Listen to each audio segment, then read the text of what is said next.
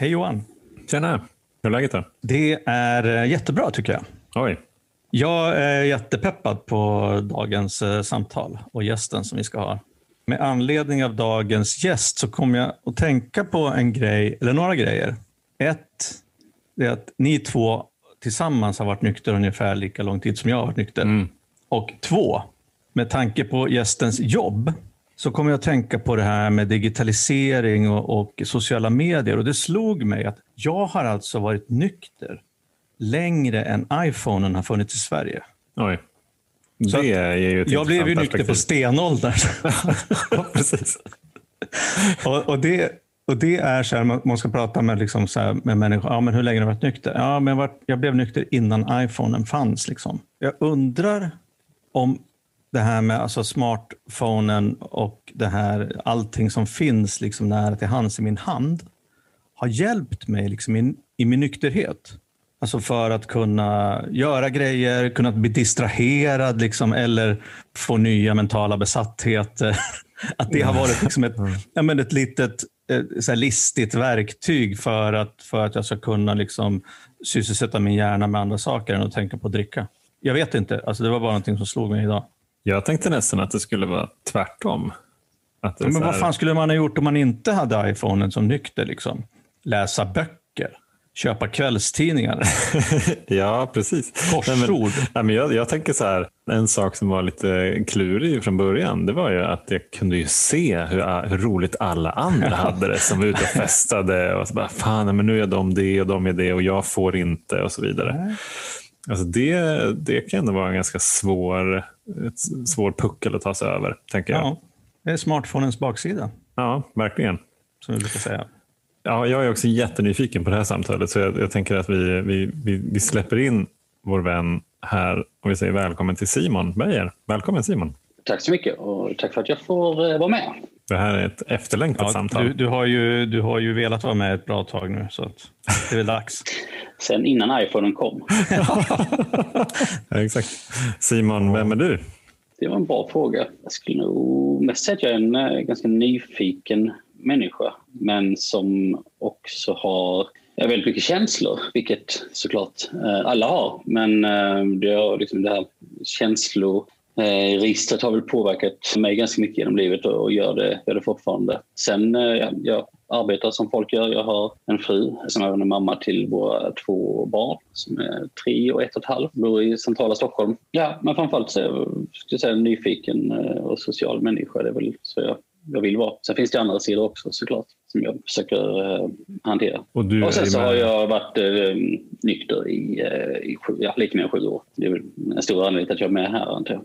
Mm. Ja, just- just. Vi har ju träffats ganska mycket på möten och även jobbat ihop faktiskt lite grann. Och eh, jag tänkte idag innan det här samtalet att alltså jag har så svårt att föreställa mig hur Simon var när han var aktiv och drack och var full. Jag kan inte se den bilden framför mig. Skulle du kunna ge oss lite, några smakprov? Nej, men det här hur man var när man var full, det är ju, alkohol är ju som, som andra droger, det, det förstärker ju äh, känslor. Så jag tror att jag var kanske ännu mer kontaktsökande och också att jag var, jag försökte väl också vara Ja, jag var nog väldigt mycket sökt mig till centrum av festen liksom, eller av liksom, eh, ville synas och typ höras. Men sen gick det ju alltid över någon sorts, eller väldigt ofta över någon sorts gräns. Där liksom, och då hade jag sån någon konstig output där jag bara gick hem. Eh, jag bara liksom gick ut och gick hem. Och det hände en gång när jag var i Paris där jag inte bodde utan hälsade på en kompis och på en klubb. Och så kände jag mig för full. Jag bara gick ut. Liksom. Eh, ut på stan, bara gick liksom, jättefull. Och, eh, jag fattar inte hur jag kom hem till den här lägenheten, men det gjorde jag på något sätt. Men det var väl säkert, jag vet inte om det var skam eller vad vad en annan känsla som gjorde liksom att jag, jag ville försvinna när jag kände att jag inte hade kontroll längre eller när jag liksom började bli pinsam. Man får ju olika säga, reflexer när man blir full i olika saker som, som tittar fram. Vissa blir aggressiva och jag gick nog mer, liksom, när jag blev riktigt full eller brusad, så sökte jag mig nog liksom mer inåt mig själv och gick, och gick, där, gick därifrån. Men eh, annars så förstärkte alkoholen. Liksom, jag tror många tyckte det var väldigt roligt att ha mig på fest liksom, för att jag är väldigt, jag är liksom i grunden social och liksom, häller man på alkohol på det så blir det ännu mer socialt. Liksom. Jag fick alltid sitta sitta bredvid den som var tråkigast på festen eller vid middag för att jag skulle liksom så väga upp. Och det var ju, jag har tänkt på efter straff för de som är riktigt trevliga eller riktigt sociala, de får sitta bredvid de som är tråkigast. Jag tror nästan man skulle fråga andra människor såklart hur jag var när jag var, var brusad. Men det, fram till en viss punkt så tror jag att jag var ganska trevlig ändå. Liksom inte så här bråkig eller, eller stökig. Eller, jag är i grunden ganska konflikträdd så jag liksom aldrig... Och sen så är jag ganska... Jag är typ 73 och kan väga 76 kilo eller någonting. Så jag är liksom ingen som slåss med dörrvakter och sådär. Det blev liksom... Ja, de positiva sidorna förstärktes till en viss eh, grad. Och sen var det säkert också så att jag i vissa situationer liksom var, skulle vara liksom rolig och var det på andra människors bekostnad. Det har jag liksom insett i efterhand. Jag, så här, jag hade något skämt på gång och så drog jag det vidare. Så liksom drog det alldeles för långt. Och sen så nu när jag tittar tillbaka på det så kan jag inse att men, det kanske liksom inte går att såra den personen. Men inga så ödesdigra konsekvenser. Jag känner igen det där med att uh, vara rolig på andras bekostnad väldigt mycket. Det är ju en av mina personliga defekter eller karaktärsbrister som jag har. Och jag tyckte att jag var jävligt bra på det tidigare när jag var aktiv. Exakt det där du pratar om, att, jag, att liksom, det nästan alltid var över gränsen. Men att det blev roligt och jag, jag fick sån jävla, det var som ett jävla bränsle för mig. Tills jag fattade liksom någonstans, oftast dagen efter, liksom att det där kanske inte var så jävla härligt att hålla på sådär. Men, men just i stunden så gav det mig otroligt mycket bekräftelse och kunna vara liksom rolig på andra människors bekostnad. Ja, jag kan eh, jag känna igen det du säger också. För det var som att just att man liksom nästan vill chocka med ett skämt. Alltså man ska, det ska vara så over the line. Liksom och jag tyckte själv då kanske att det var liksom eh, jätteroligt men lite över gränsen. Att det, och det var ju ett, eh, någon bekräftelsebehovsgrej eller liksom att man vill vara synas och sådär som, som det såklart handlade om. Och det, så att Även om jag precis sa att jag liksom typ aldrig har slagits och sådär så har man säkert sårat människor och gjort dumma grejer som jag inte riktigt har bett om förlåtelse för jag minns inte det. Och jag kan ibland, liksom, ibland känna den känslan fortfarande. Liksom, att man så här, i situationer man, jag vet inte, man vill vara väldigt, väldigt rolig. Liksom, och så att man, det kommer till mig den där eh, känslan. Men då lyckas jag nästan alltid stoppa mig själv. Liksom, jag, jag blir,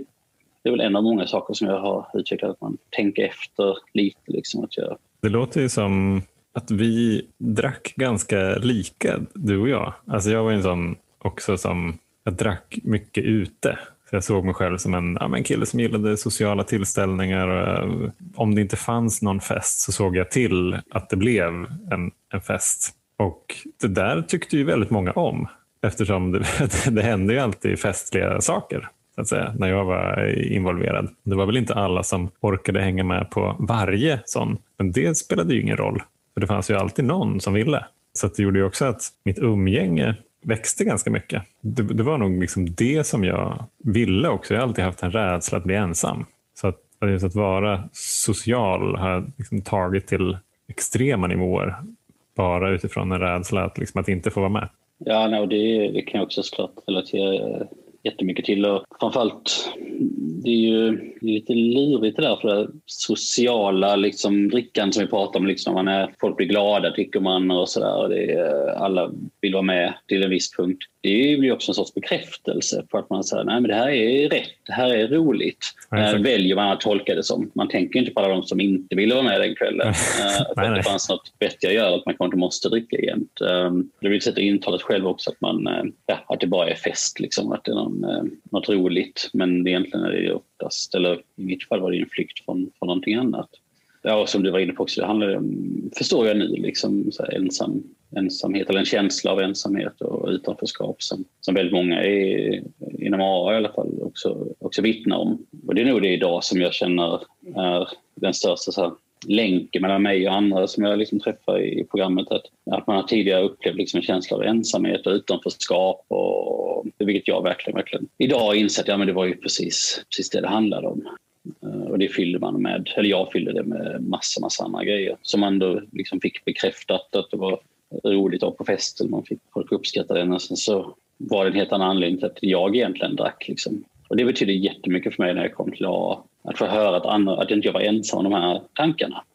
Mm. Det har jag gått runt hela mitt liv. Liksom. Och det, jag tänker ofta på att jag kan ju aldrig begära av till exempel min fru, min mamma eller mina kompisar som inte är alkoholister att de ska förstå hur jag känner. De ska liksom ha de kan ju teoretiskt förstå att man känner sig utanför ensam. Men i praktiken kan de aldrig förstå vad det innebär. Och det gör ju också att prata med er två till exempel, eller andra som är med i programmet. Det är ju en väldig trygghet för jag vet att det finns en förståelse. Och det var också det som var, liksom, var väldigt starkt för mig i början och fortfarande är. Men det var det som kände att jag, så här, men det här, jag, ska nog, jag ska nog vara kvar på det här stället eh, eller gå på de här mötena. Och det är extra viktigt tror jag med igenkänning när man känner sig utanför. Alltså det finns ju en, en logisk, eh, ett logiskt hopp däremellan. Och det känner jag fortfarande att jag i den, den vanliga världen, eller den världen som vi lever i där, kommer nog alltid finnas en gnutta liksom utanförskap för mig för jag kommer alltid känna mig lite, lite annorlunda. Men när jag träffar er till exempel eller går på möten då känner jag inte den. Så därför är jag glad att jag får sitta här ikväll.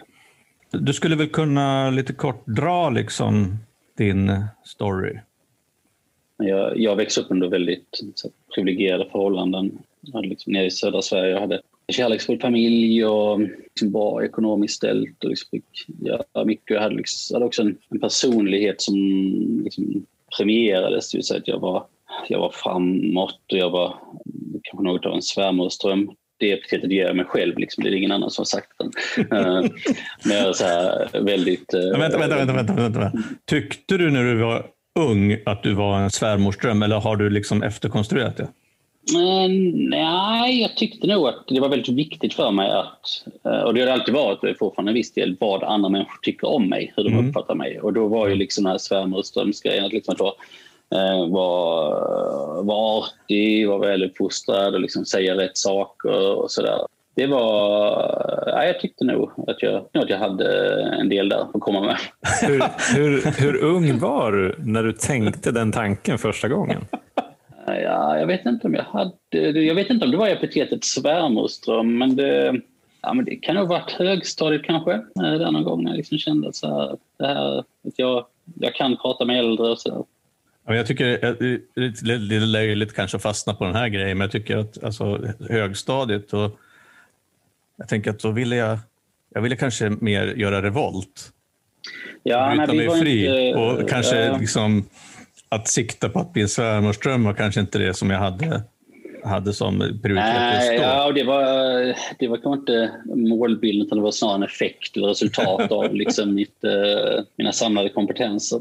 Men det var, jag, det var, jag växte upp i ett ställe som var så här, socioekonomiskt liksom snedvridet åt eh, det rikare hållet. Och där var det liksom, det fanns inga värstingar typ. Och det fanns, utan det var, alla var så liksom trevliga och spelade golf. Och jag vet inte om det, det präglat mig så mycket, men det, men det är poängen jag vill göra med det att det fanns liksom inga så yttre när man tänker på någon alkoholist så tänker man liksom att man växer upp under misär och att det blir liksom, ja det är skit och soss och sådär men min uppväxt var, var jätte, jättefin. Eh, verkligen. Men det var jag själv som var och är utmaningen och det, det, är väldigt, det blir tydligare och tydligare för mig egentligen hela tiden. Um, och jag, kan, jag kan minnas tillbaks tidigt, liksom, så att säga, mellanstadiet redan, eller ännu tidigare säkert också, att jag, den här känslan av utanförskap i sociala situationer och liksom, även om jag inte var utanför så var det liksom en känsla av att eh, jag hade liksom den, här känslan. Och den, så den, den fanns där väldigt, väldigt tidigt, den oro någonstans. Och det hittar man ju olika sätt att försöka kanalisera den kraften till att göra någonting annat och liksom för att då kompensera för det och hitta något annat. I mitt fall så var det väl prestation, framförallt när det kom till, till skolan, att det blev min grej att jag skulle, liksom, jag skulle ha väldigt bra betyg. Och, att, och det är också kopplat till det där liksom, att jag ville att andra människor skulle tycka att jag var duktig och att jag var... Så att jag har alltid lagt väldigt stor vikt vid vad andra tycker. Även alltså, människor som jag typ bara springer på på gatan och säger hej så är det ändå viktigt för mig. Det var viktigt och jag får tyvärr till viss del viktigt vad de, deras bild av mig så ja, mitt liv var som sagt väldigt eh, normalt och bra. Liksom, eh, och allra första gången jag drack var, det, det här låter, jag vet inte, det är väl en efterkonstruktion, men det, det var av misstag, fast det, det, är det ju aldrig. Men mm. äh, settingen var helt sjuk. Äh, ja, det här var liksom 90-tal någon gång. Då. Ja, precis. Mitten av 90-talet. Äh, 95 måste det ha varit. Jag var 13 min pappas kompis skulle ha någon stor fest där jag av någon anledning skulle filma vissa moment av festen med en sån VHS-kamera. Och sen blev jag liksom kvar på den här festen. Då var deras eh, världens barn som var några år äldre än mig var där och de drack cider. Jag liksom hade aldrig sett sån alkoholcider så jag, jag drack den. Och sen blev jag ju liksom jättefull till slut. Och eh, det slutade med att min, eh, min pappa fick då, som var på den här festen fick typ bära hem mig genom den här lilla byn och det var väl inte något sånt här proudest moment.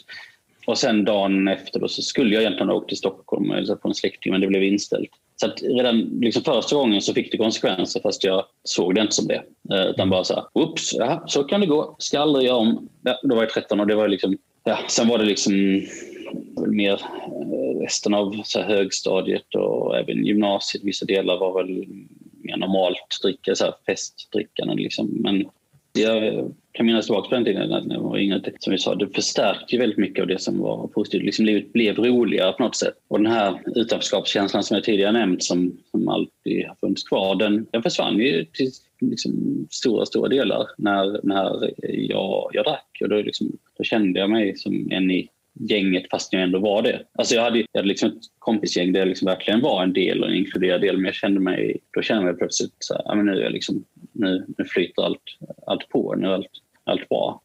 Och sen har jag också insett att jag har gjort väldigt många av de valen jag har gjort i livet, eh, även större val, har varit kanske inte har varit flykter eller att jag vill komma bort från den kontexten jag är i. Och jag vet inte varför. Jag, alltså, där och då så visste jag inte varför jag ville komma bort men att jag trodde att det var bra på något sätt men att det kanske egentligen var en flykt från, från där jag var. Jag åkte till Australien som utbytesstudent och var där ett år. Och jag vill säga efterhand var det inte heller någon, någon höjdare. Jag mådde inte alls bra där egentligen heller. Och åkte till Frankrike och gjorde liksom massa sådana grejer som jag tänkte att det här ska, det är bra för mig. Liksom. Men att egentligen tror jag att det var en geografisk flykt bara för att komma någon annanstans och göra någonting annat. Och samma grej när jag skulle börja plugga. Alla, mina, alla som jag kände började plugga i Lund men jag, jag skulle liksom alltid vara lite annorlunda för att på något sätt manifestera mitt utanförskap. Mm. Eller det blev ju det, men det var väl snarare så att jag eh, jag liksom ville hela... Det, det, var aldrig bra där jag var. Eller mitt liv var, jag var aldrig nöjd. Så jag skulle alltid liksom göra... Så bara, om jag utmanar mig på det här sättet, på det här sättet. Liksom. Men ja, så var jag plugga i Uppsala och där var det liksom där eh, drack ju folk också. Liksom, där var det svårt att dricka mest. Liksom. Um, men um, jag försökte. Jag minns, sen flyttade min lillebror dit också. Ja, ett sånt, och då liksom, det blev väl lite värre och värre hela tiden. Men um, jag minns ett tillfälle vi var på någon tillställning, jag och Adam som han hette. Ja, då bara, då sa han så här, Helt, eh, verkligen inte dömande, utan han var så världens mest positiva människa. Men han inte alls dömande, men han bara så här, Simon, du tycker verkligen om sprit. jag bara, ja. Eh, och det, det, är en sån grej som etsar sig fast. Jag bara så här, du måste ju på något sätt, han sa ju det, verkar inte vara elak, det var bara så konstaterande från hans sida. Liksom, att det var, och det var ju så jag, jag var då. Och sen, jag tror att man har ju alla liv så finns liksom olika så här, genens påverkade mer eller mindre. Men en, en grej som påverkade mig mycket och som också indirekt fick konsekvenser med drickan tror jag det var att Adam, min lillebror, berättade han, han tog livet av sig när vi bodde i Uppsala båda två. Och det, det blev ju liksom som någon efterhand så det, det var liksom en katalysator för mitt, eh, mitt drickande också. För då kunde jag, det var ju en ny känsla som jag skulle hantera. Liksom, så här, ångest hade jag haft och liksom, jag kände mig utanför. Men då var det sorg också som var väldigt så här, genuin och chockerande sorg som jag inte visste hur jag skulle hantera. Eh, och då var ju liksom alkohol det, ja, det, det tröstade ju lite också. Liksom. Och det kunde göra att jag kunde släppa fram mina känslor ännu, ännu mer. För att den här prestationsgrejen som jag nämnde, nämnde tidigare, som var liksom en del av mitt liv, den, den, den fanns ju kvar där ändå. Så jag skulle liksom fortsätta skriva min D-uppsats eh, samma termin som han hade gått bort. Tänkte jag. Och det, det gick liksom på något sätt. Och jag, så jag har liksom alltid lyckats pusha mig själv till extremt mycket saker. Men nu i efterhand så det var ett, ett pris. Det, till priset av att inte stanna upp och fråga mig själv hur mår jag egentligen? Och det var jag nog också rädd för många gånger. Att liksom, Adam som har livet av sig, han, ehm, han liksom mådde psykiskt väldigt dåligt. Jag har också haft liksom, perioder där jag mått psykiskt väldigt dåligt och jag har väl inte hittat, jag hittade aldrig lösningen på det. Så det fanns nog också en väldigt stor rädsla för mig i att stanna upp och så här, känna in och så här, vad vill jag egentligen göra? Vad, eh, Så där blev ju också en, en flykt, att, liksom, att jag, jag flydde från det, de känslorna också. Och sen alltså, flyttade jag till Stockholm och fick ett eh, bra jobb. Och, men då mådde jag, då var det väldigt, väldigt eh, dåligt mitt liv. Alltså jag mådde, mådde fruktansvärt dåligt egentligen mest hela tiden och då, då började jag också dricka mer på vardagar, ensam och kunna sova. Och jag minns ett tillfälle när jag satt upp tunnelbana så tänkte jag så att ja, men jag förstår att många här inne har det säkert jobbigt i sina liv och sådär men jag skulle vilja byta med vem som helst här inne bara för att komma bort från mig själv. Liksom. Ja, det där var ju liksom verkligen ingen, uh, ingen, ingen rolig uh, tid. Jag tänkte ofta på Ann Heberlein som nu har blivit helt skogstokig. Men hon, hon skrev en bok eh, för några år sedan som heter jag vill, inte, jag vill inte leva, jag vill bara inte dö. Titeln på den boken liksom, den passade väldigt bra in i mitt, mitt liv just då. Jag visste inte hur jag skulle få hjälp. Liksom, och det jag visste att liksom, det funkade väl okej okay om jag drack. Eh, det kunde jag ändå liksom, jag ska inte säga hantera det, men liksom döva de smärtorna lite som jag inte visste jag skulle få hjälp från. Så att, och det här eskalerade ju och ja, jag drack mer och mer och helt, helt plötsligt så liksom insåg jag att men jag, jag har ingen kontroll över det här. Alltså jag dricker på liksom innan jag ska gå och lägga mig och äh, det var fruktansvärt destruktivt men jag lyckades liksom ändå upprätthålla någon fasad och jobba och sådär. Jag förstod liksom att det, det skulle inte kunna fortsätta men jag såg heller inte liksom lösningen i att sluta dricka, för det fattade jag inte hur det skulle gå till. Jag visste att liksom så här, epitetet alkoholist fanns, eh, men jag, jag ska säga, mina känslor och tankar var så snedvridna då, så jag tänkte liksom, om jag säger att jag är alkoholist, då är liksom mitt liv slut. Alltså då, då kommer jag aldrig kunna få ett jobb, jag kommer aldrig kunna...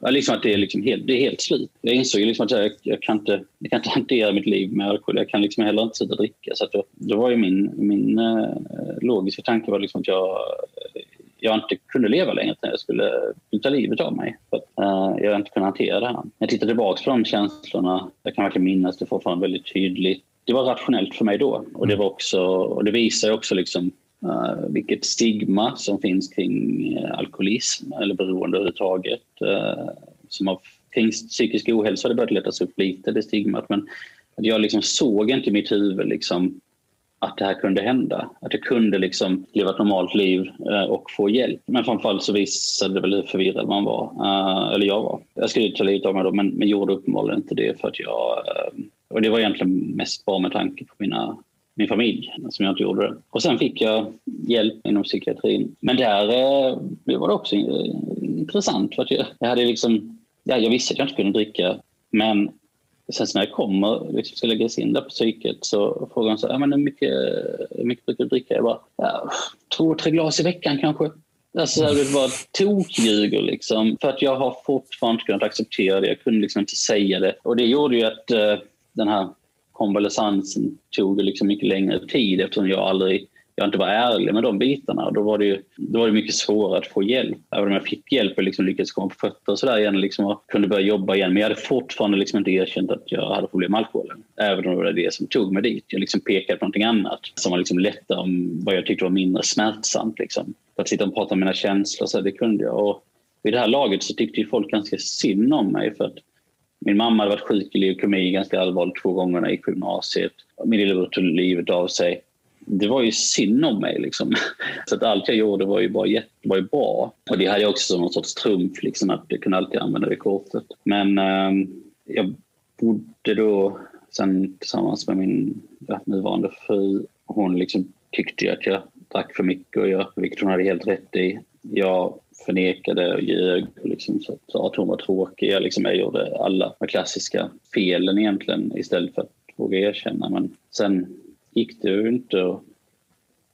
Ja, det gick inte att, dölja liksom, mm, egentligen i något sammanhang förutom kanske på jobbet. Men det som blev liksom, fick bägaren att rinna över var när tre kompisar tillsammans med min fru hade någon sorts intervention med mig. Då insåg jag väl någonstans att ja, men det, här, det här kan liksom inte fortsätta.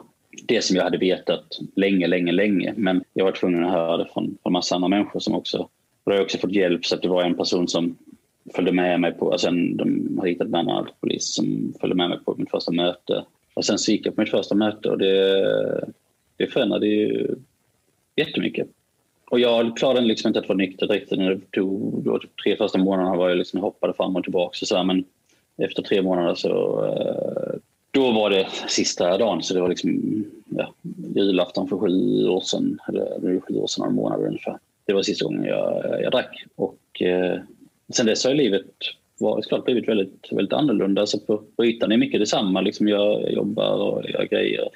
Men idag så är jag mycket ärligare mot mig själv och jag framförallt vet genom tolvstegsprogrammet och genom liksom andra övningar, jag vet liksom att det är oftast jag som är, är utmaningen i situationer. Vilket är viktigt. Det har varit viktigt för mig att det inte alltid är andras fel. Men jag också, och genom att liksom lära mig att förhålla mig till mig själv eller liksom träna på det, för jag blir inte, inte klar med det. Så jag, jag tycker mig också kunna vara liksom mindre dålig liksom, i relation till andra människor. Liksom, det kan hjälpa folk och på ett annat sätt och våga prata om, om jobbiga saker. Jag försöker till exempel vara väldigt öppen med att prata om min lillebrors självmord och det, det vet jag liksom har, har hjälpt andra människor att våga prata om sina eh, trauman och sådär. Och alkoholismen är en, en annan grej liksom som också är viktig att, att prata om. Och det är, jag är fortfarande inte så här 100% trygg i mig själv. Det kommer jag kanske aldrig bli. Jag kan fortfarande känna utanförskap men jag känner mig så pass mycket tryggare att jag tycker det är viktigare att liksom prata om de här frågorna än att jag ska sitta och hålla på det och fundera på vad folk tycker om mig eller, eller inte. Och jag har lyckats få, få två barn, vilket också är liksom fantastiskt. Och ändå ha en, liksom aldrig jag har liksom aldrig varit berusad med, med någon av dem. Det är också skönt, tycker jag, att kunna, kunna ge, ge dem den starten. Uh, sen finns det inga garantier för hur det fortsätter, men jag, liksom, jag hoppas och tror att det, det, kan, det kan fortsätta så här. Jag kan ha mycket bättre relation med min fru. Det är såklart det värt, värt väldigt mycket. Men den stora, stora vinsten är att inte vakna upp och ångest på morgonen. Det är ju det som är det, det absolut viktigaste, för det gör att liksom jag kan börja dagen på ett lite annat sätt och liksom ta itu med, med andra saker. Och, men också vara liksom professionellt, har kunnat vara, vara ärligare mot mig själv och, men också kanske våga göra saker som jag inte hade vågat, eh, vågat annars. Och det, det har ju gett mig väldigt, väldigt mycket. Och, och det är kopplat till att jag förstår idag mycket mer vem, vem jag är och vad jag behöver eh, istället för att låtsas som att jag nöjer mig med vissa saker eller att vissa saker är viktiga för mig. Och det gör också att jag kan, liksom, kan komma tillbaka till de här grejerna hela tiden. Alltså, om det känns svajigt, men vad är det som är viktigt? Ja, det är ju faktiskt det här det är väldigt, väldigt skönt. Sen har jag fortfarande en extremt stor respekt för att ja, mitt mående är väldigt tillfälligt. Alltså, eh, jag måste hela tiden liksom göra grejer, aktivera mig för att påminna mig och för att ja, helt enkelt liksom hantera mina, eh, mina känslor, liksom prata om dem och vara, vara ärlig. Och det eh, kan egentligen början kännas liksom utmanande att man ska tänka på det resten av livet. Men jag, jag vet ju, jag känner så snabbt om det inte, om jag inte ta hand om mig, då blir det väldigt snabbt åt andra hållet. För, att för mig är det här en känslomässig sjukdom. Liksom. Det handlar om att jag inte kan hantera mina känslor och då tar jag min tillflykt. Eller jag tog min tillflykt till alkohol. Det hade kunnat bli spel, droger, sex eller rock'n'roll eller vad som helst. Men, um, kanske inte rock'n'roll, men um, det andra hade säkert funkat. Och det är liksom så att om jag inte tar hand om känslorna så kommer det, det komma fram på något annat sätt. Liksom försöker förklara ibland för människor som, typ som att man har diabetes, att man liksom måste ta de här insulinsprutorna varje dag. Och insulinsprutorna i det här fallet är att man går på möten eller mediterar eller läser texter eller vad man nu tycker liksom är bra. Men att man måste liksom uppmärksamma det, det varje dag. Och det, eh, det lyckas jag göra hyfsat i mitt liv nu. Och det gör att jag, jag känner mig mycket, mycket trygga och den här första åren som jag hade i Stockholm för typ 12, 12 13, 11, 11 år sedan. De, den känslan känns ju väldigt, väldigt avlägsen. Jag, kan gå, jag bodde Sveavägen, Vasastan i Stockholm då. När jag, liksom, när jag rör mig där omkring, det gör jag inte så ofta längre, och när jag är där omkring jag får liksom tillbaka, jag får så déjà vu av känslor. Liksom. Så just det här mådde jag så fruktansvärt dåligt. Och då är det skönt att liksom, idag så kunna bara, ja, ja det gjorde jag, det var då. Idag, idag gör jag inte det. Men precis som, som du var inne på det Roger, liksom hur det, det är svårt att se hur någon var när de var berusad så kan det också nästan vara svårt ibland idag att se hur det var att må så dåligt. Men jag har en, en väldig respekt eh, för, för, att göra det hela ännu roligare så är jag också bipolär. Så att mitt humör går, går upp och ner och för det så käkar jag medicin vilket hjälper. Men det finns också liksom en, det finns rörelser liksom i, i mitt mående som gör att jag måste vara väldigt uppmärksam på hur jag mår och, och vad jag gör. Och det, eh, man har jag kanske inte inte råd med samma misstag som, som vanliga personer har. Jag kan fortfarande mår dåligt idag men jag kan, jag kan liksom hantera det på ett annat sätt. Och det är inte, det är inte den djupa ångesten, eller ångest var det väldigt länge sedan jag hade nu, men uh, man liksom djupa känslan som man känner att det här går inte att hantera. Det mest att hantera är att fly genom att dricka. Den känslan har jag liksom nästan, nästan aldrig nu. Så att idag, jag lever ett liv som är jättebra. Och jag, jag, jag känner också att jag jag rör mig liksom hela tiden lite framåt och det är ju, det är ju tack vare mig själv delvis för att jag, jag tar steg för att göra det men jag får den inspiration av att träffa andra. Och jag går till exempel också psykolog och har fått hjälp, hjälp jättebra hjälp eh, där med olika saker. Och det är, när jag tänker mitt mål den sista tiden så är det väl lite som att man skalar en lök, att man liksom kommer man kommer närmare och närmare någon sorts kärna liksom, av vad det faktiska... Man kommer aldrig förstå exakt vad det är som är utmaningen men liksom att man kommer närmare och närmare de här liksom lite mer detaljerade utmaningarna. Man kan börja titta på dem och försöka liksom hantera det. Och jag känner så... Jag fick tips av en psykolog att läsa en bok som heter eh, Känslor som kraft eller hinder. På framsidan är det ett eh, lejon, så det är väldigt tydligt att det kan bli bra. Mm. Men det jag tänkte på när jag läste den här boken, så hade jag läst den här boken för några år sedan så hade jag inte fattat den kunde ta till mig någonting. Liksom. Och då är den ändå svår. Men idag så liksom, då kan jag ta till mig den här typen av lite halvabstrakta tankar. Jag kan känna att det här är jag. Det här kan jag ha nytta av. Och det är för mig liksom så här tydliga bevis på, på framsteg. Och att jag också vill att, man, att jag idag är mer öppen och benägen att prata om att jag liksom är alkoholist. Det kändes väldigt genant för mig för några år sedan. Eller så här, det fanns en osäkerhet kring det vad folk skulle tycka. Och så där. Och det, där har jag ju bottnat i... Eh, liksom landat i att det ändå känns... Dels att jag känner mig trygg med det, men också att det är så viktigt att, att prata om det. Dels för mig, men också att, liksom, att andra får, får lyssna. För att på pappret så ser jag nog hyfsat eh, lyckad ut enligt de här liksom meteokratiska måtten. Liksom, eh, har någon sorts chefsposition, har två friska barn, har en, fru, har en fin lägenhet som är inredningsreportage och föreläser och berätta för andra människor. vad Jag tycker jag har skrivit en bok. Alltså på, på, på pappret på LinkedIn, eh, som är ett socialt nätverk för... Eh, där ser det nog ganska bra ut. Men att det också finns en annan sida och att den här liksom sjukdomen är inte bara människor som sitter på en parkbänk. Och det, det är väldigt viktigt för mig att eh, försöka förmedla. Så det är väl i stora drag min, uh, min story. Jag tror att vi har ett rekord här. Den längsta eh, tiden som någon människa har pratat oavbrutet i Alkispodden. Grattis Simon! Grattis, Tack, det kändes eh, nästan som, eh, som det. Jag satt och väntade men... Eh, ja, men det var så gripande hela tiden. Ja, det var ingen som behövde säga liksom någonting. inte avbryta. Jag har massor med frågor och grejer att prata om, men, men det kändes fel att gå in och störa i detta. Tack så jävla mycket för den eh, storyn. Jag har ju hört dig förut och vet ju att du har haft eh, ganska mycket mörkt och brottats med. Men jag skulle vilja koppla tillbaka till en grej som du sa ganska tidigt, om jag nu kommer ihåg den. Men jag tänkte på det här paradoxala som, som jag känner igen väldigt mycket kring det du berättade om när du pratade om Australien och Frankrike. För jag känner igen den här känslan av att vilja vara inkluderad och vara normal, men samtidigt vilja vara lite annorlunda och inte göra som alla andra. Och jag tror att, att den här alltså spänningen som blir i det där, det, det har nog, där, har ju, där har nog jag liksom vacklat och, och mått lite dåligt under min, mitt liv också. Just det där att jag vågade till exempel inte åka till USA som mina föräldrar sa att du får åka till USA som utbytesstudent. Men jag vågade inte för jag var så rädd att mitt kompisgäng skulle liksom ha utvecklats ett år när jag kom tillbaka så att jag inte fick vara med längre. Så att jag, jag liksom tackade nej till det. Och samtidigt som, som det fanns liksom den här lite rebelliska grejen att inte vara som alla andra men samtidigt vilja höra till. Och just den här osäkerheten kombinerat med det här ohyggliga jävla bekräftelsebehovet som jag hade och har.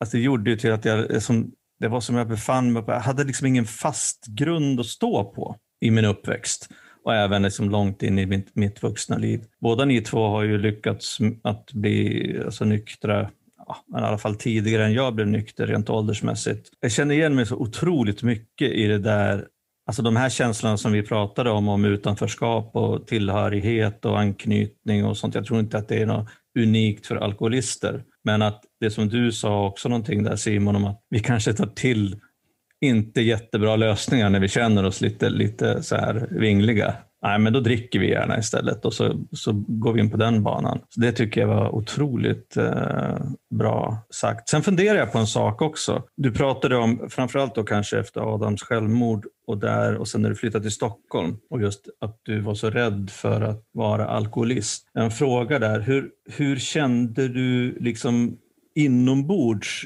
kring det där med alkoholen? An, började du använda alkohol medvetet för självmedicinering och sen att du inte kunde kontrollera det och kände du någonstans för dig själv, även om du ljög för psykiatrin, att det var alkoholen som var problemet?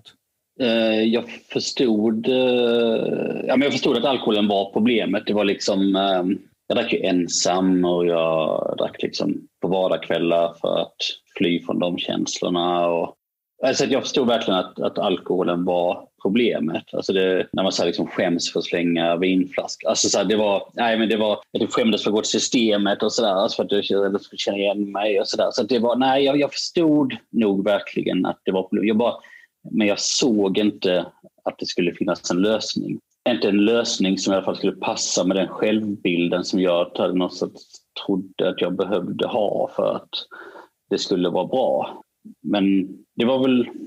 Jag, jag minns ett annat tillfälle från den här perioden som var... Jag hade mycket så att man tänker att om man bara får göra det, göra det, göra det, eh, om man bara tjänar x antal tusen, och så, då blir det bra. Jag hade också någon sån, liksom, jag, ville, jag jobbade för ett stort globalt företag och om jag, så här, om jag fick bli marknadschef för det företaget, då, liksom, då skulle det vara bra. Och sen så stod jag där, så blev jag det när jag var typ så här 28, vilket var jätte, jättetidigt. Jag minns jag stod i tunnelbanan och så här bara kollade bara mig själv. Så, ja, då blev jag det, men det känns inte ett dugg bättre. Och det var väl också en sån här väldigt hopplös känsla. Så att den materiella eller ytliga så hade jag nått dit. Liksom. Men så här, det gjorde ingen skillnad. Det var ju väldigt läskigt för då insåg jag att det var någonting annat men jag fattade inte vad det var. Eller, jag förstod att det var känslobaserat. Men jag tänkte en hel del på det här med du pratade om liksom hur man känner när man var yngre. Att vad svårt det måste varit när vi alla och alla andra som har problem när man var yngre hade de här känslorna och liksom inte alls kunde greppa det. Alltså, för jag har ju känt så här, alltså framförallt ensamheten, utanförskapet och det här. Det har jag ju känt så länge jag kan minnas. Men jag hade ju ingen aning om hur jag liksom... Och jag är lite rädd att mina pojkar ska få samma grej och liksom, hur ska man hantera det? För det fan säger man det till någon som är typ åtta år gammal? Alltså, det, det kommer bli bra. Så det har jag funderat eh, mycket över nu när jag själv fått barn. Så här, hur fan klarar man det när man var, var mindre? Och det var väl därför, och det gjorde jag inte heller. Alltså då hade jag inte suttit i den här podden. Livet är en paradox när man har de här känslorna, precis som du var inne på också. också och, eh, att man, man vill göra saker för att man vill vara annorlunda. Man vill också liksom vara en gänget. Och det, jag hade en sån episod när jag pluggade och läste ekonomi och alla hade typ så här G-skjorta och var jättevälartade. Och det skulle jag liksom vara lite annorlunda så jag klädde mig som en konstfackstudent istället. Men skulle liksom ändå vara bäst på det vi gjorde. Bara för att vara lite annorlunda. Alltså det, det är också en så tydlig bild att jag liksom, det fanns inget självändamål med den här klädseln. Jag vet inte om jag tyckte det var snygga. Utan bara att jag ville inte vara som de andra. Jag ville inte placeras i ett fack. Även om det var egentligen ett fack och tillhörighet som jag ville ha. Så att den här paradoxen som du, eh, det är liksom, ja, det är väldigt uh, intressant.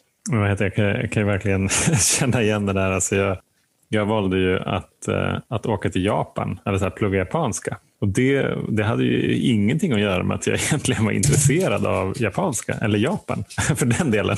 Det var, det var bara för att här, jag visste att det var någonting unikt och det blev en sån oerhörd bekräftelse. Jag tror att jag fattade att här, om jag gör det här så är det en, en maskin som kommer att skapa bekräftelse under flera år. Det är en helt absurd grej att lära sig det språket och sen så vara där i Japan och, och bo där. Och, eh, och så. Det var inte förrän, förrän jag faktiskt var där i Japan som eh, typ tre månader in kanske, ja, men det här är ändå ganska schysst.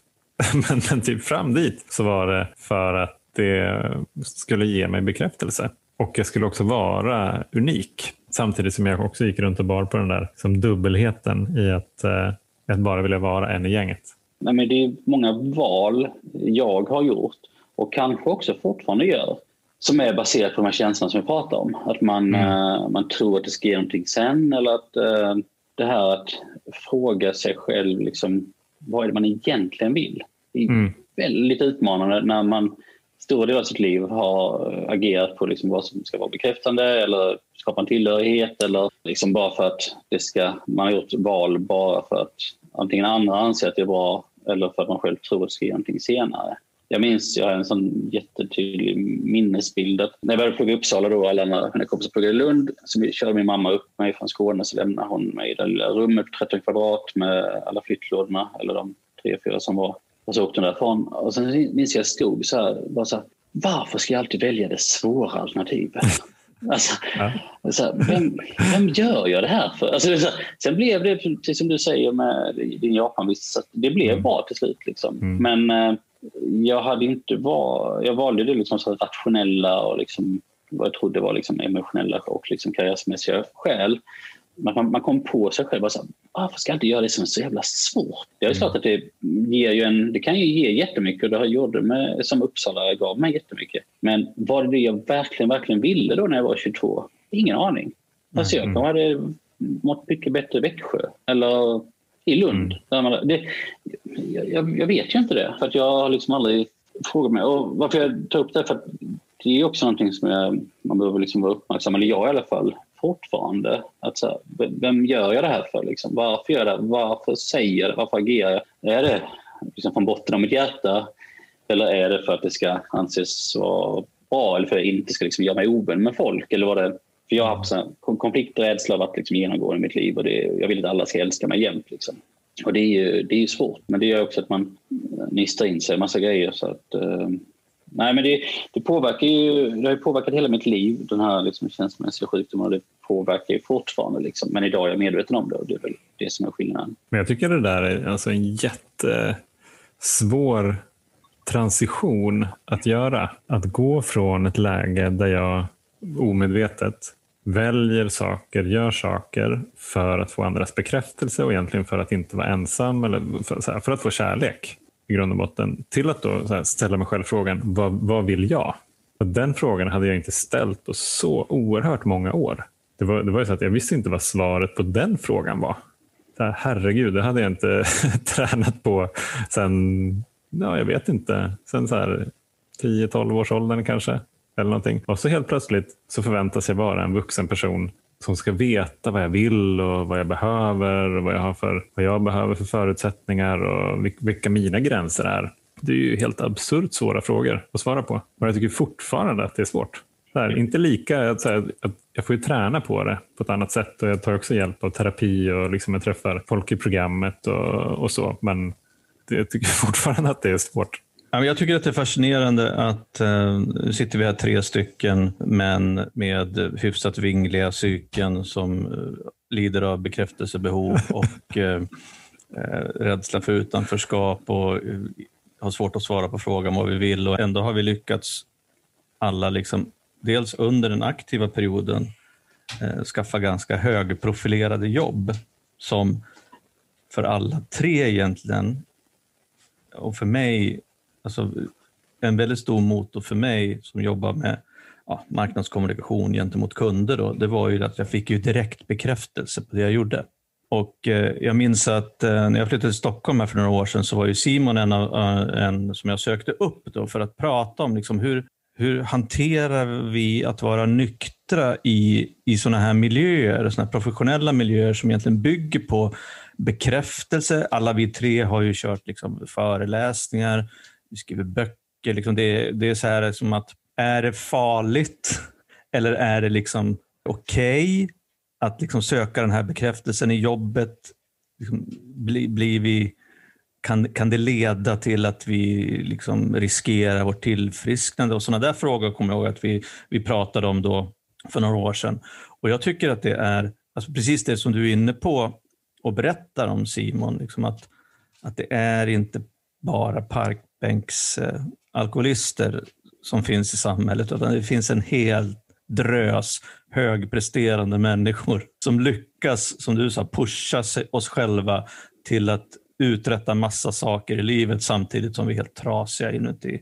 Jag tänker, vad, vad funderar ni kring de här liksom, frågorna om, om alkoholism och bekräftelse och tillfrisknande och det professionella?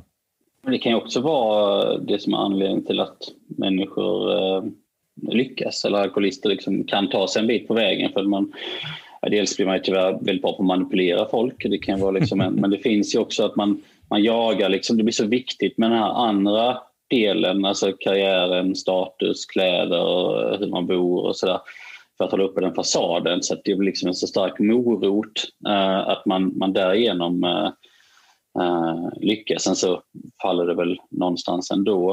Uh, men det här bekräftelsebehovet kan ju, liksom, det kan ju, mm, det kan ju skapa, skapa mycket. Sen är det ju av fel anledning och det tycker jag, jag minns det samtalet som du refererade till Roger.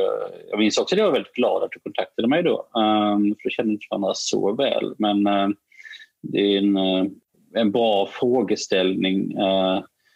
Och där tror jag, eller jag har tänkt mycket på det eh, de sista åren. Ehm, det är väl egentligen utgångspunkten i varför man gör det. Alltså varför man ställer sig på en scen eller varför man skriver en bok eh, eller varför man startar en podd. Om det, eh, jag tror historiskt har det varit jag föreläser ganska mycket, eller framförallt när det inte är pandemier. Och historiskt har det nog varit för att liksom, det var ett så säkert ställe där jag fick bekräftelse, precis som du nämnde. Att man fick liksom så stå och prata, folk tyckte att man liksom lyssnade på en och klappade och allting.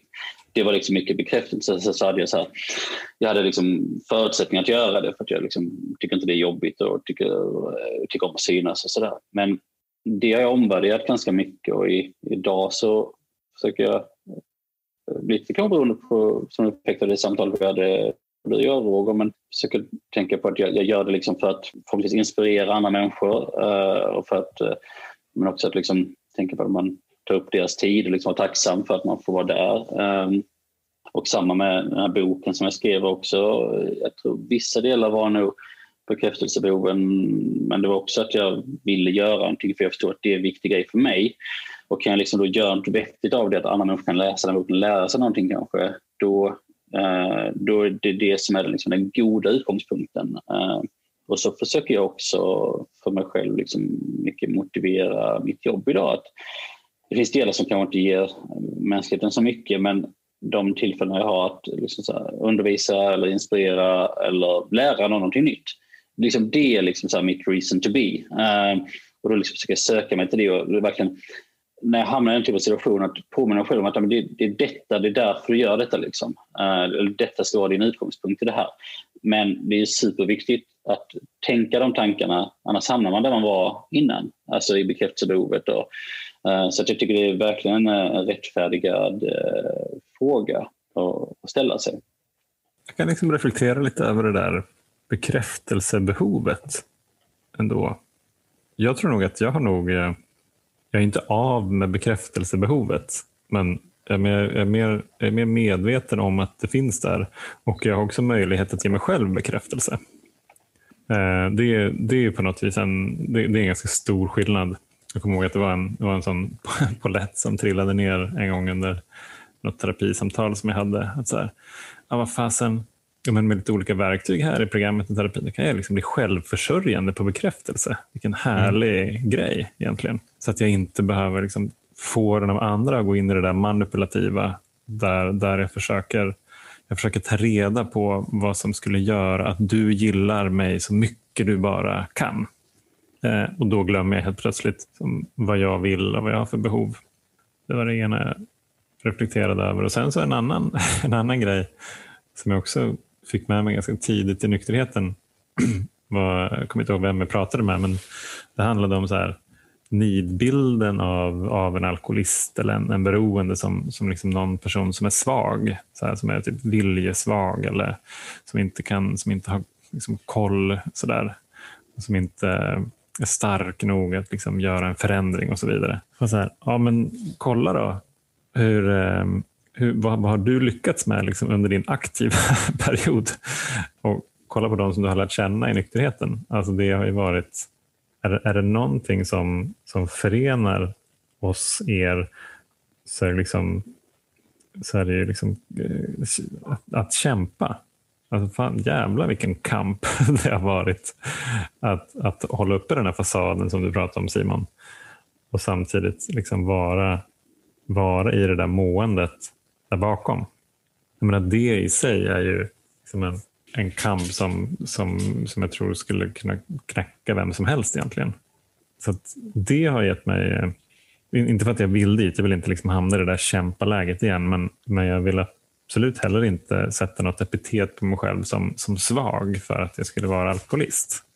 Jag tror att eh, det, det är liksom också en bild som kan nyansera lite grann. Liksom vem är en, vem, vad är en alkoholist egentligen? En annan grej som jag tänker på just i det professionella som jag tycker har blivit så ja, revolutionerande. Och jag vet att jag och Johan har varit inne och snuddat på det här, men du kan ju också få, få utveckla dina tankar kring det här Simon. Det är ju det här med ärlighet på jobbet. Att våga erkänna misstag eller om man inte vet saker eller faktiskt säga som det är till medarbetare och kunder. Och jag vet att eh, jag jobbar ju nu på ett, tidigare var jag konsult eh, och sålde min, min kompetens. Och eh, nu för tiden så jobbar jag på ett företag med eh, marknadsföring. Och just det där att det, det finns en, eller jag upplever att det finns liksom en rädsla hos människor att våga vara sanna, både mot medarbetare och kunder. Och eh, jag tycker det är så roligt, för att jag, jag brukar liksom använda det som, alltså både för, för mig själv, liksom. Nej, men jag, jag, vet inte det, jag kan inte det, eller oj, jag gjorde fel, jag ska rätta till det. Eh, och, och, och, människor i min omgivning blir liksom förvånade över att jag erkänner att jag har gjort fel på jobbet. Eh, men det blir oftast, oftast ja, nästan alltid skulle jag vilja säga, en väldigt positiv liksom, respons på att göra det. Hur, har ni, jag vet Johan, du har jobbat ganska mycket med det här kring ledarskapet och så där, men hur är det med dig Simon? Tycker du att du har blivit ärligare på jobbet? Det, det tycker jag verkligen och på, på, på flera plan. Dels ja, men, en så enkel grej som om någon frågar hur jag mår eh, så försöker jag vara, liksom, utan att det blir obekvämt, men att, att liksom vara, vara ärlig med, med, med de bitarna. Eh, det är ju såklart väldigt ytligt men, men också um, i den rollen jag har så folk frågar mig väldigt ofta om saker. Jag liksom, tidigare så har jag nog trott uh, att människor förväntar sig att jag ska veta allting. Uh, men jag har liksom också kommit eh, närmare det, det ni beskriver. att uh, man, man, man, bara säger som det är. Alltså, jag vet inte det här, vi får kolla upp det. Liksom. det men uh, jag har nu gått från att eh, vilja ha ett svar på allting liksom, och en, en snabb lösning på allting till att eh, vara mer ärlig med eh, när jag inte kan grejer. Så då kan det finnas någon annan man kan fråga. Eller så att, och då, ibland får jag de här fortfarande, kan få några, jag säga skamkänslor, men känner att om jag typ refererar, eller jag pratar med Bengt istället, eh, han kan det att jag försöker fly från min uppgift till att skjuta den vidare. Liksom, den kan eh, fortfarande ibland eh, snegla upp. Men, uh, men tidigare så skulle jag svara på det själv och hittade på någonting. Liksom. Men så den biten är ju absolut liksom det rent så här professionella, vad man säger, och fakta och sånt. Det är ju, där har jag absolut försökt bli mycket bättre. Men, uh, men också det, det tycker jag är viktiga egentligen är liksom relation till mina kollegor och medarbetare. Att när jag känner att jag har gjort fel, alltså uh, och det handlar inte om fakta, sånt, det handlar om när jag känner liksom uppträtt fel. Alltså kanske, vi pratade inledningsvis om att gå för långt och på skämt och sånt.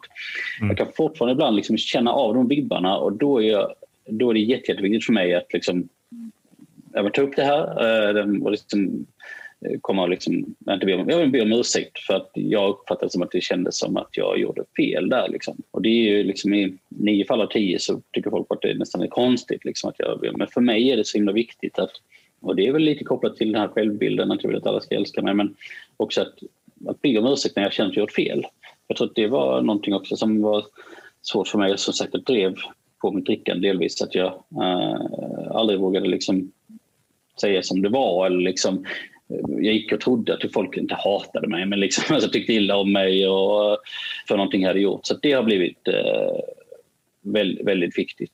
Men också i den Uh, i den rent professionella liksom, biten att man inte, man inte kan svara på allting. Uh, vilket också är uh, en del i så här, transparens och, men också ärligt mot sig själv att man inte, man, man inte har alla svar. Så jag tror att det, det, kan jag verkligen känna någonting som har utvecklats. För att just den biten är ju, den professionella biten är ju eller har varit väldigt viktigt för mig, min självbild och så här, liksom. Därför var det också viktigt för mig, tror jag, att mitt första möte var på Östermalm, eh, så lunchmöte och då kom ju folk i så här, eh, kavaj, eller det var jurister som satt i så här fina kostymer. Och då kände jag så här, ja men det här, de här ser liksom ut, de tjänar nog mycket, det här är något för mig.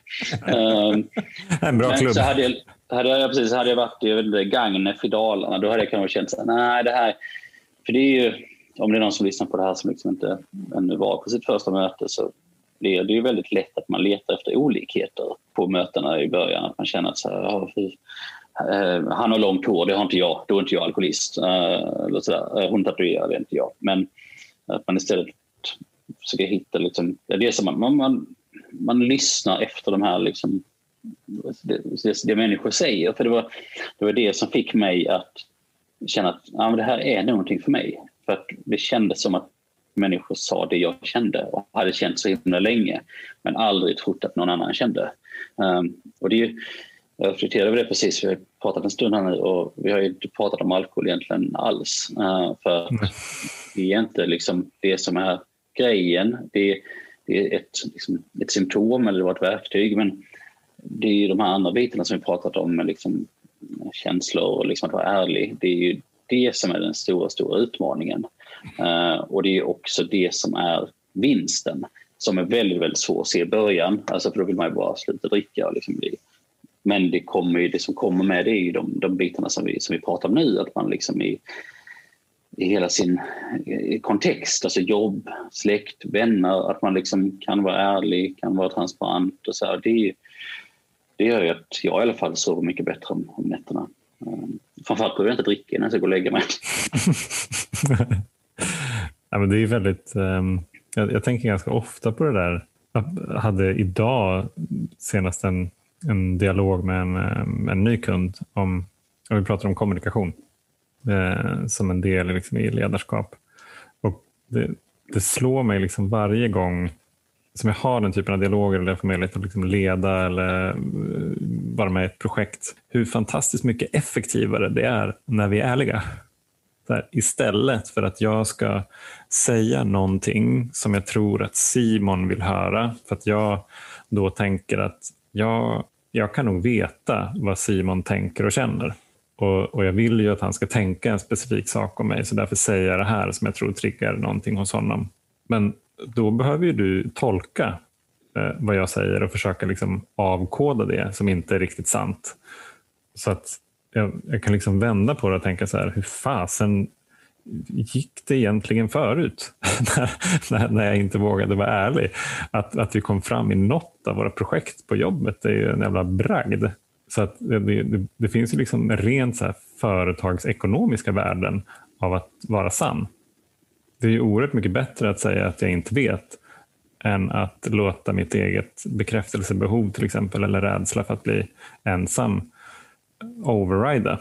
Och säga så här, här måste jag ha ett svar även fast jag inte har det. Nej, men då kan ju därmed också riskera till exempel kundrelationer eller, eller uppdrag. Eller liksom, det, kan ju vara, det kan vara ganska mycket olika grejer som, som sätts på spel bara för att jag eh, inte kan hantera mina känslor för att vara krass. Eh, så, så jag håller verkligen med dig där, men utmaningen för mig i alla fall var att jag var tvungen att liksom, bli konfronterad av mina vänner, liksom gå igenom, eh, göra de här stegen, liksom tänka på det här eh, varje dag egentligen i sju års tid för att bli lite ärligare och lite mm. mer transparent. Att det, det kommer ju inte naturligt, för det finns ett uppenbart jättestort värde. Och det, men jag tänker att alla andra människor, man, man förutsätter att folk är ärliga hela tiden och är liksom helt sanna, men det är ju ingen egentligen. um, Uh, anledningen till att vi kan ha det här samtalet nu är att vi har liksom varit igenom det som vi har varit igenom och kan liksom sätta ord på det och prata om de andra. Men för jag tror, gemene man, så om man inte är extremt trygg i sig själv eller narcissist så är det svårt att liksom vara så ärlig och i jobbsammanhang också. Alltså det är väl det som är utmaningen. Att liksom, mycket i samhället är ju ett skådespel till liksom viss, framförallt social interaktion och ännu mer jobb. Liksom. Så att komma närmare den här ärligheten som skulle varit mest effektiv, absolut, jag håller verkligen med dig. Men det finns ju ändå liksom lite, tror jag, lite utmaningar eh, på vägen dit eh, för att få folk att hamna där. Precis, Eller så är det bara jag som är sjuk i huvudet. Det... Nej.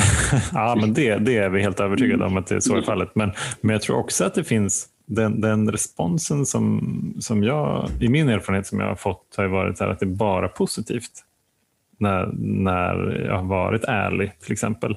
Så att, att jag, jag, tror att det finns en mänsklig längtan av att inte hålla på med det här skådespelet. För att vi alla blir då lite ängsliga för att då vet vi inte riktigt om vi spelar rätt skådespel eller inte. Jag säger inte att det är enkelt liksom att, att komma dit men, men i min erfarenhet så har responsen varit liksom oerhört övervägande positiv i alla fall. Jag, ja, jag, jag, tycker att det är ett jättespännande område att utforska. Det är liksom någonting som jag också har föreläst om och liksom ser effekter av på, på daglig basis. Eh, och det hade ju aldrig hänt utan nykterheten. Jag tror vi är på väg eh, i den riktningen som du, som du beskriver. Just där liksom, att folk vill ha ärlighet och vill ha sanning. Och det tror jag går, eh, finns en, en längtan efter. Eh, för att man pratar väldigt mycket om Eh, den typen av frågor i samhället idag som man inte gjorde för 15 år sedan. Alltså till exempel psykisk ohälsa är någonting som alla man kan prata om idag utan att det är svårt. Liksom, och att människor kan må dåligt. Och, Uh, att man vågar lyfta andra ämnen och det gör också att, tror jag, att man uh, liksom lite mer söker sig till vad som är bra för en och då är ju ärlighet uh, och sanning oftast bra. Liksom. Och att man därmed längtar efter det. Så jag, jag tror och hoppas verkligen att samhället är på väg i den, den riktningen. Mm. Vad heter det? Han, ehm, jag har en fråga som kanske börjar på en avrundning men har det varit en, en rak resa i nykterheten? Alltså förutom de här eh, wobblande första månaderna där det var liksom lite in ut. Hur har tillfrisknandet varit och den, den resan för dig? Mm, rent nykterhetsmässigt så har det sen ja, de sista sju åren varit, eh, inte egentligen varit några svårigheter. Eh, jag tror att för alla som testar på att vara nykter, så det, det, första kalenderåret är ju en lite utmaning för att man ska göra första påsken, första mm. sommaren och allt det där. Um, men det har väl eh, varit den emotionella nykterheten, den, eh, där har det absolut varit, varit upp och ner. Och det är, det är ju, jag liksom mår mindre bra när jag tas från det jag behöver för att må bra. Det är väldigt logiskt. Men uh, det som jag identifierar vissa grejer som, som jag mår bra av. Uh, vissa tråkiga saker som rutiner. Um, jag tycker om att ha människor omkring mig. Men för att göra det paradoxalt tycker jag också om när jag kan ha liksom lite variation och flexibilitet i livet. Och jag har liksom lyckats hitta en sån kontext ganska, ganska bra idag. Um, men när den tas ifrån mig, när det till exempel är sommarlov med barnen i åtta veckor eller som har mm. jullov nu under pandemin, då, då är det svårt för mig. Alltså, det är inte, jag känner absolut inte att jag vill dricka, det är inte det, men jag känner att de här, eh, jag blir inte lika trevlig äh, eh, mot min fru. Jag liksom, så att, och det känner jag ju så himla, himla tydligt när det händer. Och jag vet ju också lite, var, jag vet mycket varför det händer. Så att, nej, det har inte varit någon, eh, någon rak resa men det har ju det har liksom alltid gått framåt skulle jag vilja säga. Um, och det är tillbaka till den här skala lök-metaforen som jag gjorde. Liksom, man kommer liksom lite närmare, man tittar på andra grejer och man, ja, nu vågar jag sitta här idag med er. Alltså, det är också något sorts framsteg. Så det går hela tiden framåt skulle jag säga ändå. Um, och, det, uh, och sen så är det liksom, jag vet att det kan komma perioder när jag mår lite sämre. Men jag vet också att de går över. Eh, men jag brukar alltid säga till min fru att jag, liksom, jag tycker att det är läskigt för att jag är rädd. Kanske inte så mycket för att jag ska börja dricka, men för att det liksom ska bli mer så ångestbetonat och så att det finns någon, någon rädsla som historiskt har varit liksom välmotiverad. Idag inte lika mycket så, men uh, den sitter i. Så att, ja, det är liksom på ett sluttande positivt plan uppåt, så, så skulle jag väl, eh, väl beskriva det. Men det, det är en bra fråga och det, är, det finns nog inte alltid något enkelt svar på det. Men det var mitt svar. Mm. Roger, vad tänker du? Efter det här oj, oj, oj, samtalet. Jag, jag tänker på, på flera saker. Alltså, en grej är ju det här som, ja, som Simon pratar om egentligen nu på slutet. Det här att, och även i början, att livet är Eh, det nyktra livet är liksom en ständigt pågående process, liksom en dag i taget. Och att jag som har varit nykter så länge ändå kan tycka att det är så jävla häftigt att få kunna, eller få möjligheten, att ta möjligheten ska jag säga, att kunna bli lite bättre hela tiden. Att må lite bättre, att lära mig mer om mig själv, att vara lite mer hänsynsfull, att vara lite ärligare, att vara lite mer sann mot mig själv och de jag älskar. Att vara lite snällare. Liksom att det finns hela tiden någonting som, som jag kan jobba på. För att precis som Simon är inne på, så om inte jag är i kontakt med programmet eller med mig själv så blir den här sluttande uppförsbacken ganska snabbt en hyfsat brant nedförsbacke i, ner i dåligt mående och att livet börjar skava och att liksom jag blir ganska odräglig. Och, mm. och Det är både jävligt läskigt att jag måste hålla på med mig själv varje dag eller löpande, men det är också så jävla häftigt att jag kan ta chansen att göra det. För att det är ju, då har ju jag möjligheten att om jag gör det jag ska så finns det så mycket hjälp liksom, runt omkring mig eh, med människor, gemenskap, tolvstegsprogram, en andlighet liksom, och texter. Och, alltså det, jag har liksom hela tiden chansen att, att bli en bättre människa. Det är väl det jag tänker på, på främst faktiskt. Och sen så tycker jag att det är vi ja, har ju känt Simon nu några år och hört honom prata om sin story eh, flera gånger. Och eh, jag tycker att det är, jävligt häftigt att, att, du, att vi gav dig utrymme att prata så länge utan att vi skulle in och peta bara för att vi skulle ha något självändamål med att vi skulle in och peta lite grann i storyn som, som vi brukar göra. Så det var det. Så att jag, jag är jätteglad att du, att du är med här Simon. Så jag tackar för det. Ja, Johan, vad tänker du på? jag skrattar för att jag tänker på att, att eh, hade det varit, hade vi haft, varför vi nu skulle haft en alkispodd när vi var aktiva, ja, det, det, det, blir liksom ett annat, ett annat fokus kanske. Men, men om, om, inte, om inte bekräftelsebehovet hade varit liksom hyfsat i schack i alla fall så, så hade vi aldrig kunnat gå så där långt liksom, utan att avbryta. så här, vad fan, när, när, ska jag få prata egentligen? Mm. det var det jag reflekterade över. Och Sen så tänkte jag på det där sluttande planet. Eh, jag tänker att det nog alltid är sluttande. Eh, det är liksom aldrig helt i, så här, i eh, horisontal nivå. Det vill säga, jag kommer liksom aldrig till ett läge där det bara är, där det är klart, där det liksom är stilla, utan det vickar alltid åt något håll. Ibland ganska brant uppåt och i vissa fall liksom brant neråt. Och eh, det beror ju, precis som ni båda är inne på, liksom, det beror helt på hur jag under den perioden jobbar med mig själv. Så har jag de här rutinerna till exempel. Jag kan verkligen känna igen mig i det du berättar Simon om, eh, om eh, loven som, som omkullkastar de här vardagsrutinerna som, som jag från början också tyckte var, så här, det var jävla tråkigt att, att mitt liv skulle vara så inrutat eller att jag ska ha de här rutinerna. Men jag har kommit att älska de där rutinerna. För att det är, liksom, det, det, det är de som ger mig förutsättningar för att att leva livet, liksom vara en del av livet.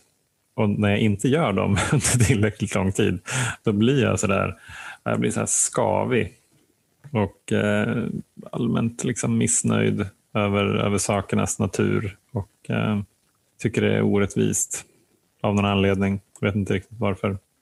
Så att, ja, jag gillar verkligen rutiner.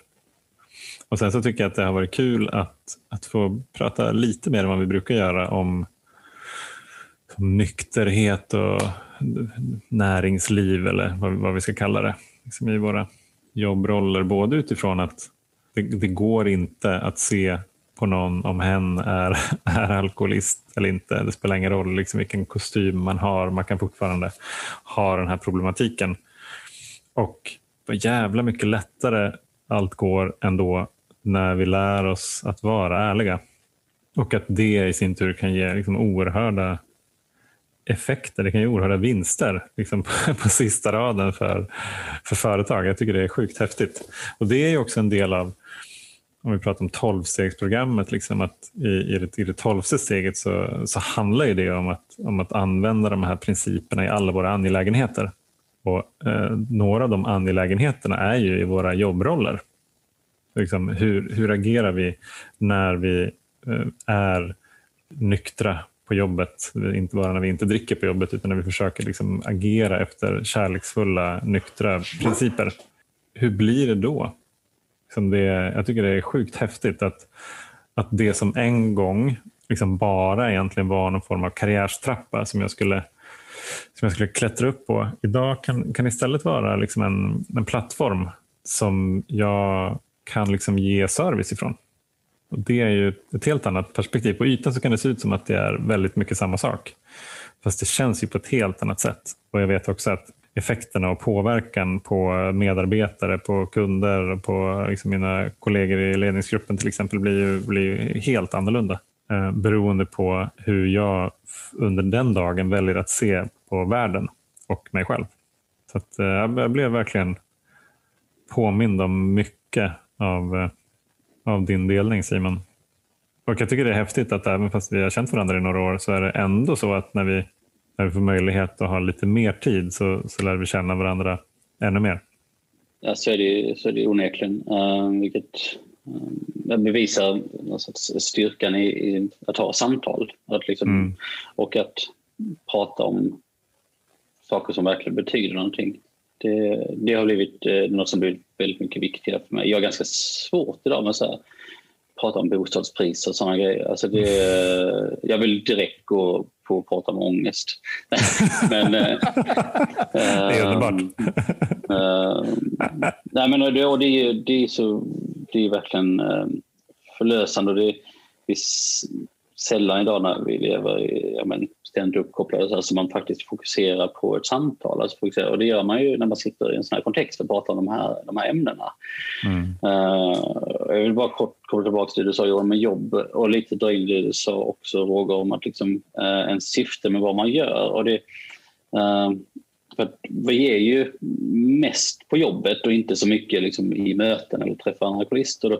Jag tänker också väldigt mycket på det här liksom hur jag kan ta hjälp av det jag lär mig av och liksom applicera på jobbet när jag liksom kommer till praktiska arbetsuppgifter med interaktion med andra och framförallt att se andra människor, liksom våga fråga hur människor mår. Och en grej som är viktigt för mig är också att höra av mig till människor som inte mår så bra, för det vågar väldigt få människor göra. Mm. Uh, men att, liksom, att göra det för att komma tillbaka till det som du var inne på, Roger, liksom, jag gör ju fortfarande saker för att ibland få bekräftelse, men då är jag medveten om det. Men framförallt så gör jag idag, försöker jag göra saker för att det ska tjäna någon sorts jag vet inte, nytta eller vara sant eller liksom ge något värde. Och det är en sån himla, himla stor, eh, stor skillnad mot, eh, mot hur det var eh, tidigare. Jag tänkte på det ni sa om att ni inte avbröt mig. Det är, det är någon sorts ehm, eh, bra eh, mätning på hur, hur ni två mår idag. Alltså hade ni inte mått mm. bra eller vad det då hade ni antagligen avbrutit mig. Uh, men när man liksom känner att man mår bra, då kan man också ta ett steg tillbaks. Uh, och inte synas. Liksom. För det har varit en stor skillnad för mig, framförallt i både, både privat men också professionellt, att göra det sånt himla behov och höras och synas hela tiden på alla möten i Sverige. Idag kan jag mer ta ett steg tillbaks, vilket är, är skönt. Uh, och det är väl, tycker jag, om man ska några program, eller det här samtalet handlat väldigt lite om just alkohol, men liksom när man det slutar dricka och sen så också börjar hantera sina utmaningar så kan man ju hamna där du, det du nämnde Roger, liksom att man börjar göra saker av en annan anledning än man gjorde tidigare. Liksom att man är mer uppmärksam på att vara omtänksam, kärleksfull, um, omhändertagande, vad det nu kan vara för någonting istället för att uh, de syften som man hade tidigare där det bara handlar om kräftelse och liksom egen, egen vinning egentligen. Uh, och det är ju ganska fint och det gör också att man kan gå och lägga sig lite bättre på kvällen. Det finns ju enorma vinster givet att man, uh, att man jobbar med det. Liksom. Och där tycker jag verkligen om det du sa Johan, att det liksom, slutande plan är fel beskrivning. Det är som en jävla endurotävling, liksom. det är upp och ner. Liksom. Uh, och det är också någonting man behöver lära sig uh, hantera, men att aldrig liksom aldrig statiskt. När jag försökt mm. beskriva min så psykiska eh, ohälsa och bipolariteten så liksom förklara för min fru bland annat att det är som en, en nedåtgående spiral. Liksom, att liksom, det föder sig själv och så blir det sämre och sämre. Så är ju inte livet riktigt idag utan det hoppar upp och sen upp ner. Liksom, det är lite mer det är inte de branta fallen utan det, det, är mer att det, så här, det känns bra och sen ska det kännas lite mindre bra. Så det, känns det, liksom, det är också väldigt skönt med att det, det är aldrig det här raka strecket. Eh, mm. Det kommer jag nog aldrig uppleva. Och så länge man är medveten om det som jättemycket annat i livet, alltså, och framförallt allt som rör den här sjukdomen, man, har man en förståelse för det så kan man ju också liksom uppmärksamma det hos sig själv. Uh, och, sen liksom, och inte då bli livrädd, uh, utan istället säga nej men nu, nu var det så här.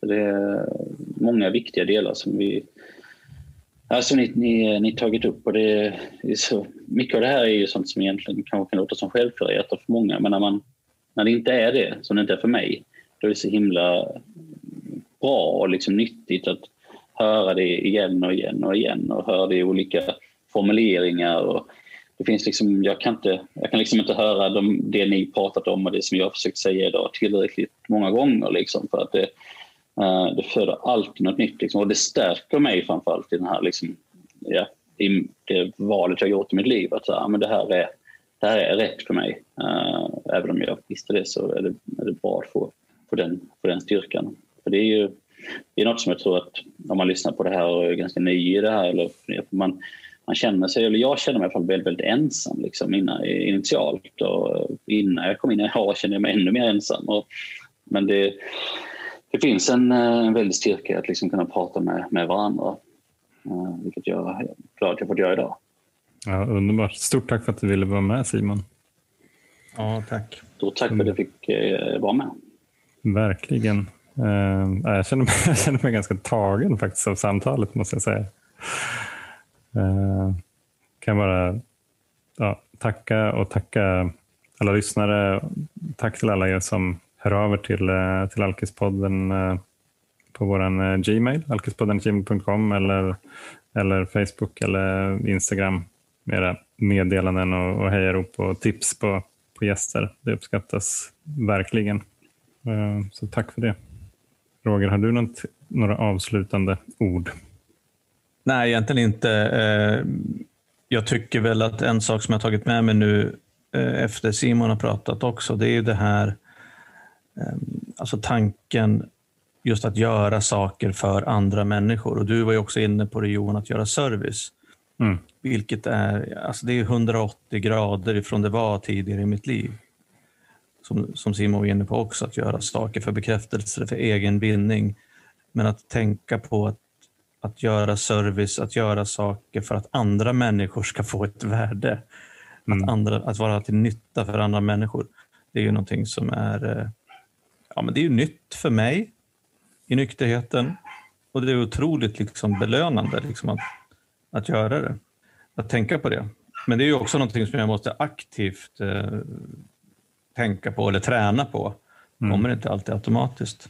Så med det så, jag vet inte om ni hörde att jag har hundar som skäller i bakgrunden. De, de, ska väl, de ska väl ut och promenera här snart, så vi får väl, får börja runda av. Ja, vi får göra det. Nej, men det återstår väl egentligen att säga tack igen Simon och eh, ha en riktigt trevlig helg där ute och eh, ta hand om er. Roger, nu får du gå ut med hundarna. Ja, jag ska göra det. Ha det så fint allihop. Ha det bra. Hej då. Ja, hej då.